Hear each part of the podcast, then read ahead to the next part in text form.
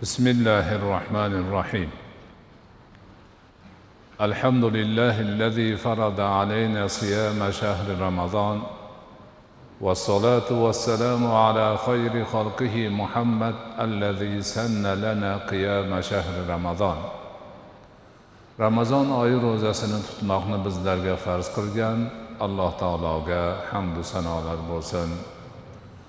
ramazon oyi kechalarini bedor o'tkazmoqni bizlarga sunnat qilgan rasuli akram muhammad mustafoga salovat va salomlar bo'lsin assalomu alaykum va rahmatullohi va barakatuh اللهم لا سهل إلا ما جعلته سهلا وإن شئت جعلت الحزن سهلا بقدرتك يا أرحم الراحمين azizlar avvalo sizlarni barchangizni xalqimizni buyuk ramazon oyida o'n ikki oyni sultoni bo'lgan muborak bir dahada katta baxt saodat bilan shunday bir ko'rkam masjidni qurib bitilishi bilan unga kirib allohga ruku sajda qilib ibodatni boshlanishi bayrami bilan tabriklashga ijozat bergaysizlar. Albatta bu juda katta baxtdir. Ayniqsa ramazon oyida bo'lishi baxt ustiga baxtdir. Alloh subhanahu va taoloning uylaridan bir uyni qurib ixlos bilan oxiriga yetkazib unga xalq bilan birgalikda kirib namoz o'qib tarovih o'qib xatmi qur'on qilish haqiqatdan ilohiy bir in'omdir buyuk bir baxtdir. Bu yerda avvalgi masjid qulash arafasiga kelib qolgan edi juda ham xarob bo'lib qolgan edi shunda masjid ahllari hammalari mo'minjon domlamizni rahbarliklarida akbarali hoji og'amizni jonkuyarliklari bu yerdagi azizlarimizni hammalarini tavajjuhlari bilan bu qulash arafasida turgan masjidni yiqitib o'rniga yaxshi bir masjid qurish niyatida rasmiy doiralardan ruxsatlarni olib hujjatlarni tayyorlashib bu ishni boshlashdi. Asta sekin sabr bilan bardosh bilan chidam bilan shoshilmasdan puxta ish qilib bordilar. Bu azizlarimizni barchalari o'zlariga yetgan har bir qiyinchilikni o'zlarini ko'ksilariga taqiladigan bir unvon sifatida qabul qilib oldilar. Xursandchilik bilan qabul qilib oldilar. Ana shu shaklda sekin sekin bu masjid qad ko'tara boshladi. Xalqimiz hammasi qo'lidan kelgan ko'magini berdi. Xayr ehsonini taqdim qildi xizmatini qildi. Me'morlarimiz quruvchilarimiz hamma hamma xalq bir tan bir jon bo'lib mana shu ollohni uyini barpo qilishda o'zini hissasini qo'shishda o'zlarini baxtiyor his qildilar.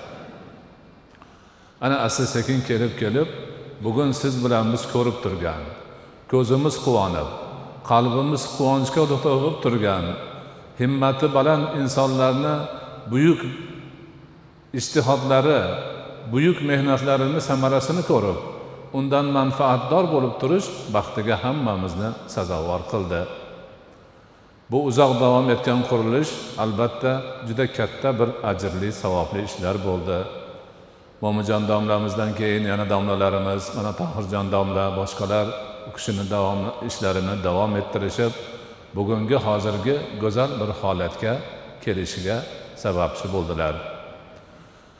Albatta bu allohning uylaridan bir uy bo'lmish buyuk masjid barakotli masjid mazkur insonlarni shu masjidni qurgan va unga hissa qo'shgan ko'makdosh bo'lgan insonlarni allohga bo'lgan iymonlarining belgisidir.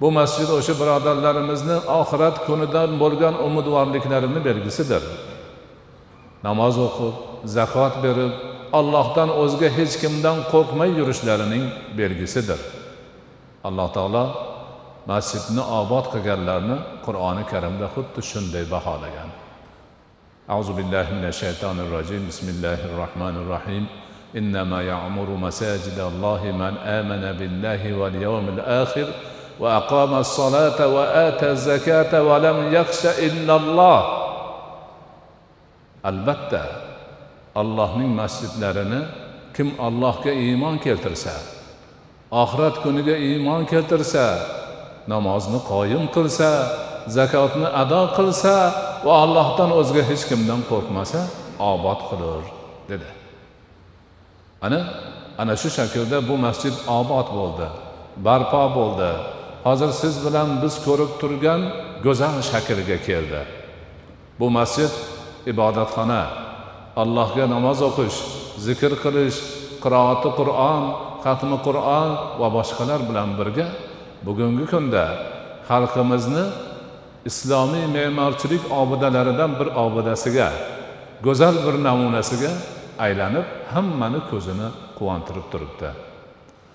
Albatta bu ishni olib borgan insonlar shu darajaga keltirgan azizlarni hammalarini bu matonatlari qahramonliklari buyuk ijtihodlarining samarasidir.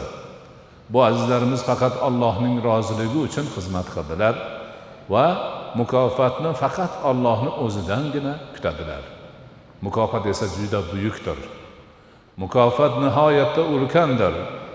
Mana shu masjidda namoz o'qiladimi zikr qilinadimi qur'onni qiroati bo'ladimi yana nima bo'lsa hammasini savobidan bular sherik.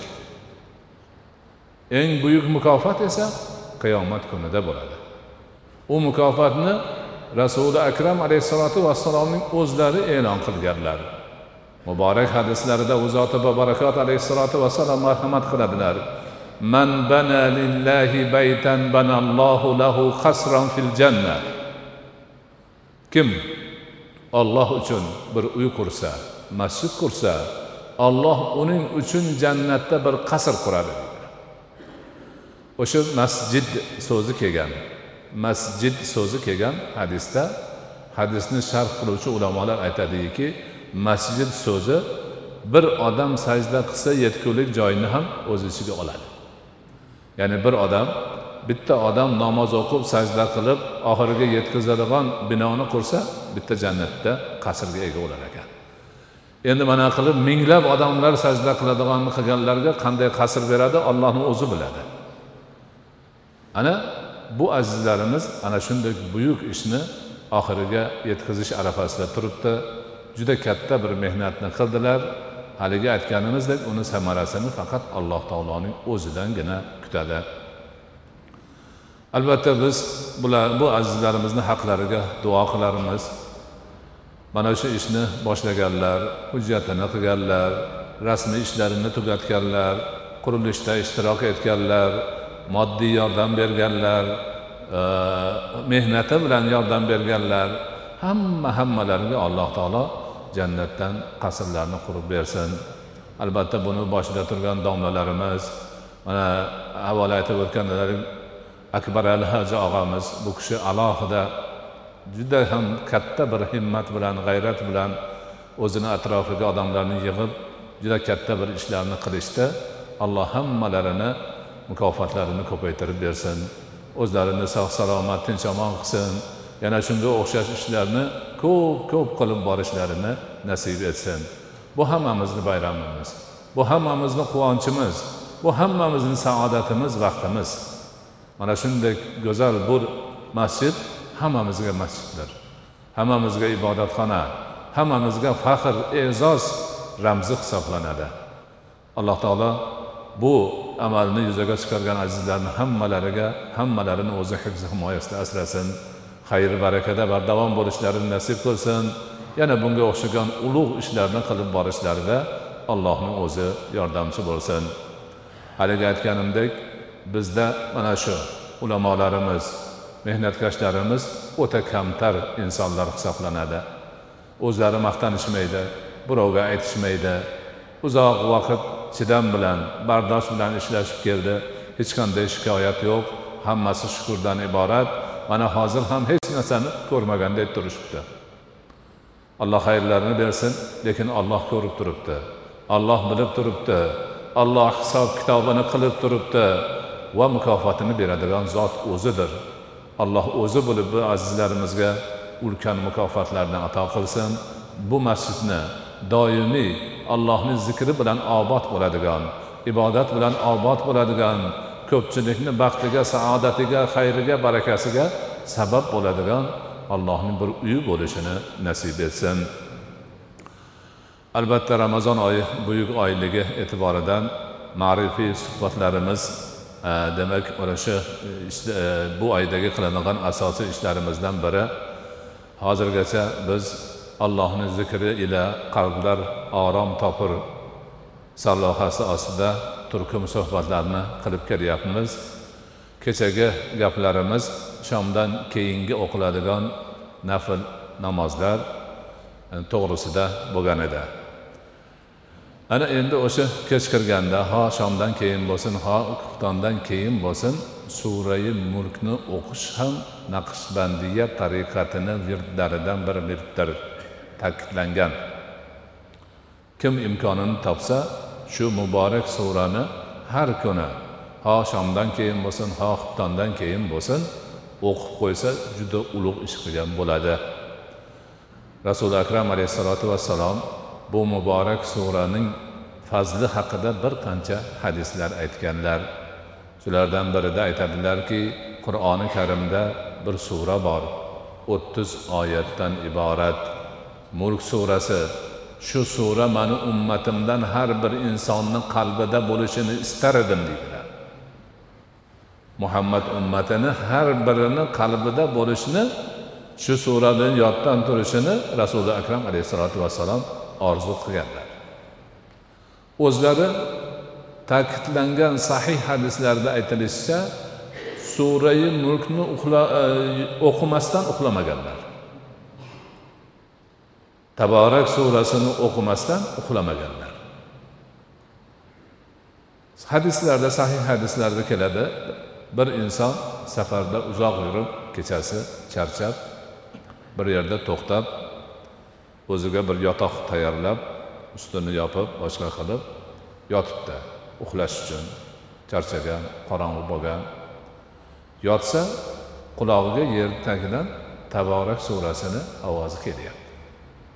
Bir inson taborak surasini o'qiyapti yotgan odamni qulog'iga yer tagidan chiqyapti. Hayron bo'ldi haligi odam. Ertalab turib qarasa bilmasdan qabrni ustiga yotib olgan ekan. Ya'niki boshini qabrni nimasiga qo'ygan ekan. Qorong'ida ko'rmagan. Hayron bo'lib rasuli akram alayhissalotu vassalomni huzurlariga borib aytdilar haligi gapni ha dedilar to'g'ri dedilar. Bu oya bu qur'on e, bu sura munjiya najot beruvchi sura. Qabr egalariga najot beradi.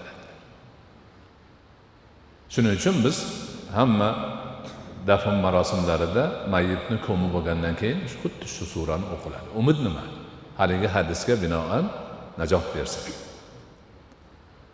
Ana shuning uchun bu surani o'qishga ta'kid ko'p. Ko'p odamlar qiziqqan mashoyihlar aytgan va ko'pchilik qiladi.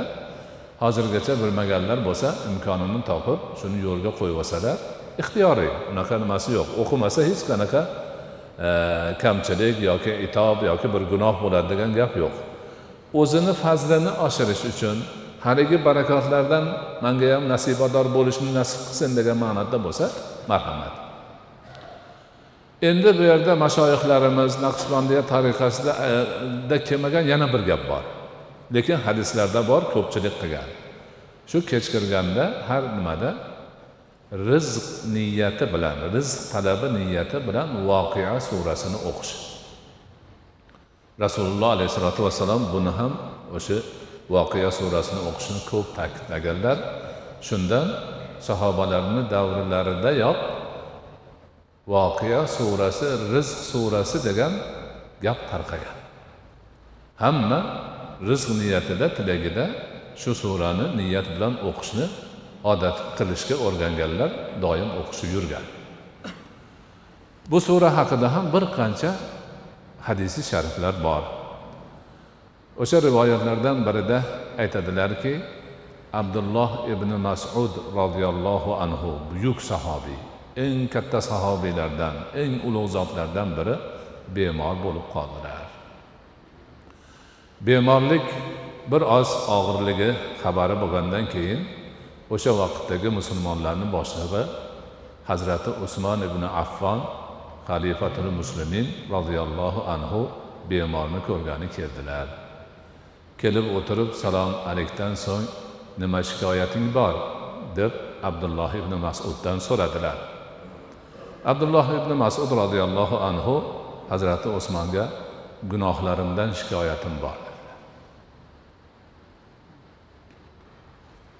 Jonim og'riyapti u yerim u bo'lyapti emas gunohlarimdan shikoyatim bor dedi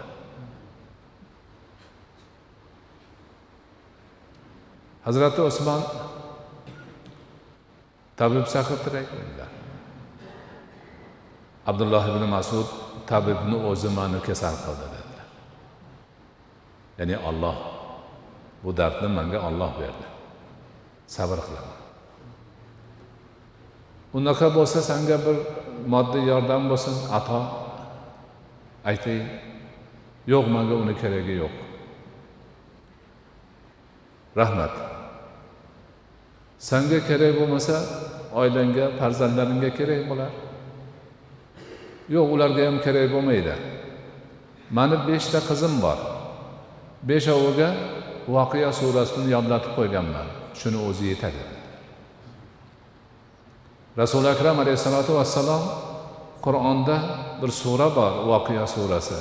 Shu sura ummatimdan har birini qalbida bo'lishini xohlar edim deganlar. Ana mana shu rivoyatlar asosida odamlar o'zlari rag'bat qilib demak e, shijoat qilib mana shu surani o'qishni o'zlariga ep ko'radilar. O'zimizni tajribada ikki yil oldin bir birodar shu nimani qilib eshitgan ekan o'qigan ekan. Shuni taqsir juda yaxshi bo'lgan ekan yozganingiz aytganingiz ko'pchilik o'qib qoldi. Ha yaxshi. Bizni bir tanish oila deydi iqtisodiy jihatdan biroz qiynalib qolib oilani rahbari rossiyaga borsammikin u yerga borib ishlab kelsammikin deb bir maslahat so'radi mandan. Maslahat so'rovdi. U ham bo'laru lekin ungacha siz shu niyat bilan voqea surasini kechqurun o'qib turinglar oila bilan ajab emas olloh bir yo'l berar deb aytdim deydi. Haligi odam ho'p deb borib o'qib oila bilan o'qishib tursa eshik taqillabdi. Chiqsa bir odam notanish odam biz shunaqa bir e, shirinliklar ishlab chiqaryotgandik shularni o'rashga odam kerak sizlar bizga yordam bermaysizlarmi? Haqinglarni yaxshilab beramiz deyapti deydi. Bo'pti. Ular uyga olib kelib berar ekan. Ho'p deb o'shandan boshladik keyin hozir yaxshi bo'lib ketdi bular deyapti. Ya'ni olloh qabul qilib qolsa o'ziga oson. O'ziga oson.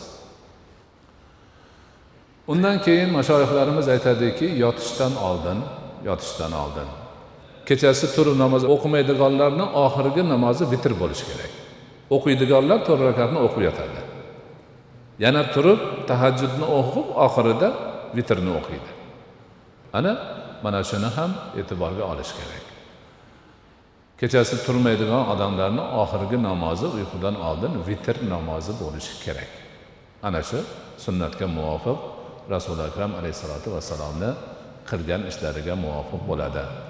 Alloh subhanahu va taolo bu masjidimizni hammamizga muborak qilsin xayrli barakotli bo'lishini nasib etsin o'ziga doimiy ravishda ixlos bilan ibodat bo'ladigan taqvoga sabab bo'ladigan ma'rifatga sabab bo'ladigan mo'min musulmonlarni birligi tinchligi hamkorligiga sabab bo'ladigan allohni uyi bo'lishini nasib etsin.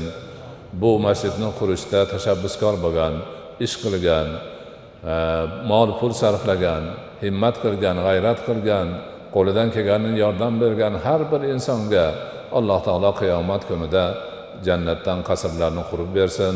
Bu dunyodagi hayotlarini barakotli qilsin. Undan keyin yana shunga o'xshagan ko'plab ishlarni qilib borishlarini nasib etsin. Bu yerda qo'l ko'tarib duo qilib turgan azizlarni allohni zokir bandalaridan allohni solih bandalaridan bo'lib qalblari pokizalanib qalblarida allohning muhabbatidan boshqa muhabbatga joy qolmaydigan hozirgi aytilgan nafl ibodatlarni ixlos bilan bajarib allohga qurbat hosil qiladigan bandalardan bo'lishlarini nasib etsin. Va sallallohu taala ala xayri xalqihi muhammad وعلى آله وأصحابه أجمعين برحمتك يا أرحم الراحمين.